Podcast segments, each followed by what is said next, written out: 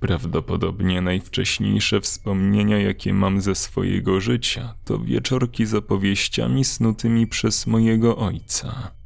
Tata zajmował specjalne miejsce w swoim pokoju, a ja siedziałem na podłodze ze skrzyżowanymi nogami. Czas na historię był ważny. Czas ten był wyjątkowy. Nie można było pominąć opowieści. Musiało się to odbywać każdego wieczoru. To był rytuał, wydarzenie. Cóż, w większości mi się to podobało. Tata często czytał opowieści z książek z obrazkami. Zawsze opowiadał coś nowego. Historie się nie powtarzały.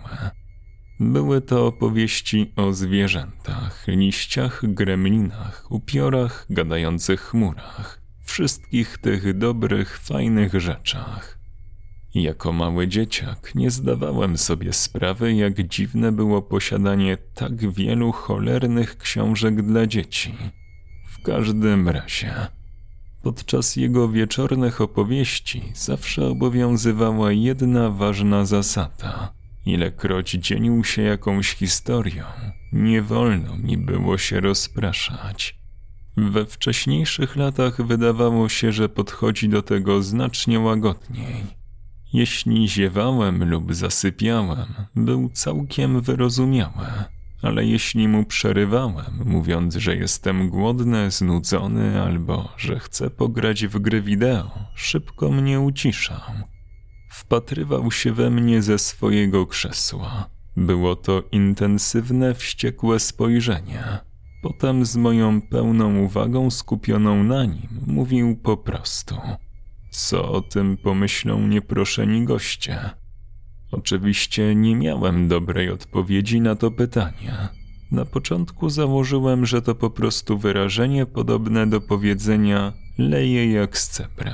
Jakiś idiom, który brzmi jak nonsens i zrozumiem go dopiero, gdy będę starszy. Tak czy inaczej, po miesiącach tego rytuału stałem się całkiem dobrym słuchaczem i zacząłem naprawdę rozkoszować się chwilami spędzonymi z tatą. Same historie były oczywiście nudne, ale zawsze ciężko pracował, aby urozmaicić je świetnym tempem i pełnym pasji podkładem głosowym. Dopiero gdy skończyłem dziewięć lat, jego zasady dotyczące opowiadania stały się znacznie bardziej rygorystyczne. W tym momencie, jeśli zaczęło mnie swędzić i spojrzałem na swoje ramię, żeby je podrapać, pstrykał palcami i patrzył na mnie mówiąc, co by o tym pomyśleli nieproszeni goście.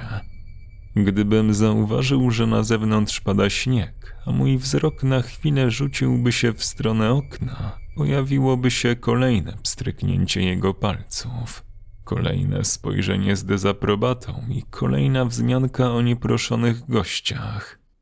Nauczyłem się nawet patrzeć prosto na niego, uważnie kiwając głową w rytm odpowiednich fragmentów opowieści, podczas gdy moje myśli były zajęte czymś zupełnie innym. Mimo to, dalej jakimś cudem był w stanie to zauważyć. Niewinnie opowiedziałem o tym kilku moim bliskim przyjaciołom w szkole, dla których cała sprawa, łącznie z faktem, że nadal czytał mi opowiadania nawet co wieczór, była nieco dziwna. Moja ciekawość zapłonęła i pewnego dnia wspomniałem mu o tym podczas kolacji. Tato, dlaczego opowiadanie historii jest tak ważne? Nie podniósł wzroku, żeby odpowiedzieć. W jednej ręce trzymał widelec z pire ziemniaczanem, w drugiej z kolei gazetę. Dzięki temu będziesz mądrzejsza. Kiedy dorośniesz, będziesz mi za to wdzięczny. Odpowiedź nie zaspokoiła mojej ciekawości. Naciskałem jeszcze trochę. I naprawdę uważasz, że cały czas muszę być na tym w stu procentach skupiony? Tak, bez wątpienia. Niezbyt szczegółowa odpowiedź. Muszę w tym miejscu o czymś wam powiedzieć. Jeśli to, co do tej pory powiedziałem, tworzy dziwny, niepokojący obraz mojego taty, chcę coś bardzo mocno podkreślić. Był świetnym ojcem. Zawsze był obok, kiedy go potrzebowałem. Czy to pomagając mi w odrabianiu zadań domowych, czy też jako ramię, w które mogłem się wypłakać przez coś, co dziewięcioletni ja uważał za koniec świata. Wspierał mnie we wszystkich moich zainteresowaniach, choć były głupkowate i nigdy nie wydawał się zainteresowany narzucaniem mi określonego światopoglądu. W rozmowach wystrzegał się tylko dwóch tematów: rozmów o mojej mamie, która zmarła rodząc mnie, i oczywiście opowieści. Kiedy skończyłem 10 lat, całkowicie porzucił książki z obrazkami. Kolejne historie wymyślał sam. Były co najmniej interesujące. Pamiętam kilka z nich, które wywarły na mnie większe wrażenie z powodów, które opiszę wkrótce. Pierwszą była historia o wilkołaku, który powinien był zachować się mądrzej. Ten wilkołak miał ostre zęby, ostre pazury i wielkie serce, jak wszystkie wilkołaki, które były przed nim i po nim. Słyszał wszystkie opowieści o mieszkańcach miasta, którzy narzekali na wilkołaki i obwiniali je o różne nieszczęścia, ale odrzucał je na bok. Ten wilkołak był optymistą. Pewnego pamiętnego dnia zszedł ze wzgórza, aby w końcu przywitać się z mieszkańcami miasta. Ci jednak przegonili go widłami i kamieniami. Szybko zdał sobie sprawę, choć bardzo tego żałował że tak nie było, że sprawy się nie zmieniły. Jego historia byłaby taka sama jak historia wilkołaków z poprzednich pokoleń. Nie mógł nic zmienić. Druga historia dotyczyła chłopca, który zamarzł ze strachu, gdy doszło do trzęsienia ziemi. Powinien schować się pod stół i zakryć głowę. Zamiast tego zatrzymał się w miejscu, nie mogąc ruszyć się ani o centymetr. Widząc to, jego matka postanowiła go uspokoić opowieścią. Powiedziała mu, że trzęsienia ziemi, duże i małe, są spowodowane przez przyjaznego olbrzyma na niebie. Małe dudnienia oznaczały, że olbrzym ćwiczył, a większe trzęsienia oznaczały, że olbrzym podskakiwał na trampolinie. Te historie były głupie, ale pomogły chłopcu znaleźć chwilę ulgi i wkrótce był w stanie konsekwentnie chować się pod stołem i mocno się trzymać. Robił to wszystko podczas wizualizacji fantastycznego treningu na niebie. Najważniejszą historią całej grupy była ta, którą postanowił zachować na specjalną noc. Wtedy stałem się już idealnym słuchaczem. To była rutyna i instynkt i nic nie było w stanie mnie rozproszyć. Nawet wtedy, gdy wybryki mojego taty w trakcie opowiadania historii stawały się coraz dziwniejsze, łagodnie rzecz ujmując. Włączał telewizor w połowie opowieści i powoli zwiększał głośność. Mówiąc, chodził po pokoju, odbijając piłkę o ścianę z coraz większą siłą. I co najdziwniejsze, czasami przynosił do pokoju duże pluszowe zwierzęta, za którymi chował się, opowiadając historię. Rzadko się rozpraszałem. Czasami pojawiała się przede mną twarz konkretnego pluszaka lub moje oczy przyciągane były do śledzenia ruchu odbijanej przez niego piłki. Zawsze mnie na tym łapał, zawsze to zauważał, zawsze wypowiadał kwestie co by o tym pomyśleli nieproszeni goście? W końcu zapytałem go, kim są ci nieproszeni goście? Rozpromienił się w szerokim uśmiechu. Rozciągnął się on po jego twarzy z niepokojącą krzywizną, niczym gąsienica, jakby ktoś stał obok i ciągnął go za policzki. Potem potrząsnął głową. Jest jeszcze czas, powiedział. I rzeczywiście był. Noc imprezy nie przychodziła przez następnych parę tygodni. Kiedy w końcu goście się pojawili, widok był godny podziwu. Nie wiedziałem, że mój tata ma tylu przyjaciół. Wszyscy się śmiali, byli przyjaźni, witali się z nami, chodzili. Było też sporo jedzenia. Opisałbym to jako spotkanie dorosłych, wyglądających na wyrafinowanych i dobrze wychowanych ludzi. Na początku żaden z nich nie zwrócił na mnie większej uwagi. Założyłem, że to wydarzenie nie było czymś wielkim. Tata wspomniał krótko, że jacyś ludzie mogą przyjść do naszego domu w najbliższej przyszłości. Wciąż pamiętam jego twarz, kiedy przyjechali. Nigdy wcześniej nie widziałem u niego takiego wyrazu. Napiął się, a po jednej stronie jego oblicza pojawił się półuśmiech. Jego oczy wyglądały jakby napełniły się łzami, kiedy je mrużył. Nigdy do końca nie wiedziałem, co to znaczy. Po kolacji wszyscy goście zaczęli zachowywać się dziwnie. Kilku z nich wpatrywało się w sufit w naszym salonie, kręcąc się przy tym lekko w miejscu. Widziałem grupę około pięciu osób stojących w łazience i tak naprawdę nic nie robiących. Jeden z gości, pan w eleganckim garniturze, zaczął wspinać się po schodach na czworakach. Kiedy dotarł na szczyt, zszedł na dół i zaczął od nowa. Kilku innych poszło w ślady za nim. Nie docierało do mnie, że coś jest nie tak, dopóki nie zobaczyłem, jak jeden z uśmiechów nieznajomego ocieka krwią. Myślałem, że to mój mózg coś wymyśla, ale wtedy ktoś na końcu korytarza spojrzał na mnie i pomachał z podobnym uśmiechem, a czerwone kropelki spłynęły mu z zębów. Widziałem to coraz częściej u gości. Płakałem szukając tatę. Znalazł mnie. Złapał mnie za rękę i zaciągnął do swojego pokoju. Zaczęło się. Usłyszałem, jak mamrocze do siebie szeptem. Zamknął za sobą drzwi i zabarykadował wejście, a ja dalej płakałem. Czas na opowieść, dobrze? Zapytał. Byłem wstrząśnięty do granic mojego jestestwa, ale te słowa przyniosły mi lekkie pocieszenie. Usiadł na swoim specjalnym krześle, w tym, w którym zawsze siadał. Następnie zaczął opowiadać mi historię o misiu Patryku i o nieproszonych gościach. Starałem się słuchać uważnie. Pewnego wyjątkowego dnia Patryk dowiedział się, że urządza przyjęcie. To była dla niego nowość. Poczułem siłę napierającą na drzwi.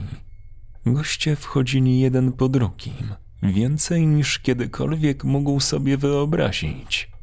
Byli już w środku, rozsypywali się po pokoju, błąkając się. Unikałem z nimi kontaktu wzrokowego. Tata posłał mi znaczące, uważne spojrzenie. Robiłem to, czego chciał.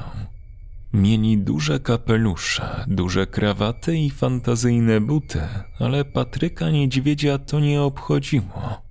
Za fotelem mojego taty zebrała się grupa nieznajomych. Wysunęli głowę, żeby na mnie spojrzeć. Pozostali zaczęli siadać wokół mnie w kręgu. Zostawili tylko niewielką szczelinę, żebym mógł spojrzeć na ojca. Przez moje nieostre widzenie peryferyjne mogłem wyczuć, że wszystkie oczy były wpatrzone we mnie. Patryk chciał po prostu spędzić czas sam, więc fantazyjni przyjaciele nie znaczyli dla niego wiele. Najtrudniejszą częścią były szepty nieznajomych. Spójrz tutaj. Chcesz urządzić konkurs na gapienie się? Odwróć wzrok na jedną sekundę.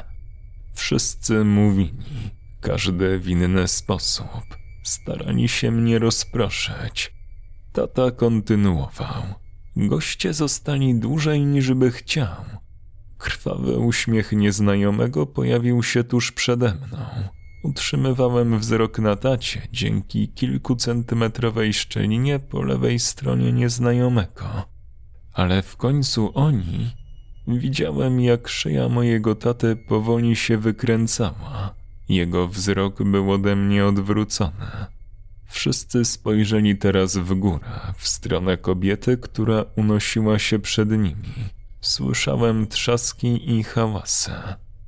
Dziwny uśmiech gąsienicy powrócił na jego twarz, gdy jego policzki wygięły się w przeciwnych kierunkach. Krew odpłynęła z jego ust. Znowu na mnie spojrzał, teraz przepraszającym wzrokiem. Przepraszam, kochanie, musiałem patrzeć na twoją matkę. Jego twarz i szyja wykrzywiły się w sposób, który nawet nie miał sensu, ale udało mu się przemknąć przez ostatnią linijkę tekstu. I jak kończy się historia? Powiedział z ogromnym trudem. Coś w głębi duszy powiedziało mi, że zamknięcie oczu nie jest rozwiązaniem. Byłem zasłonięty przez nieznajomych, ale mimo to w jakiś sposób patrzyłem przed siebie. Nie mogłem odwrócić od nich wzroku, ale moja uwaga nie była skupiona na nich. Skupiałem się na historii. Ale w końcu wszyscy wrócili do domu, a Patryk po raz kolejny odnalazł ciszę i spokój. Powiedziałem, kończąc całość. Przez okno zawiał wiatr. W pokoju nagle zapadła cisza. Dom był pusty. Wszyscy zniknęli. Nie było śladu czegokolwiek. Żadnych zdjęć rodzinnych, żadnych książek dla dzieci, niczego, co bym rozpoznał. Po prostu zwykłe meble. Kiedy kilka dni później znaleźli mnie gliniarze, głodnego i zdezorientowanego, opowiadano, że byłem osieroconym chłopcem bez możliwego do ustalenia pochodzenia.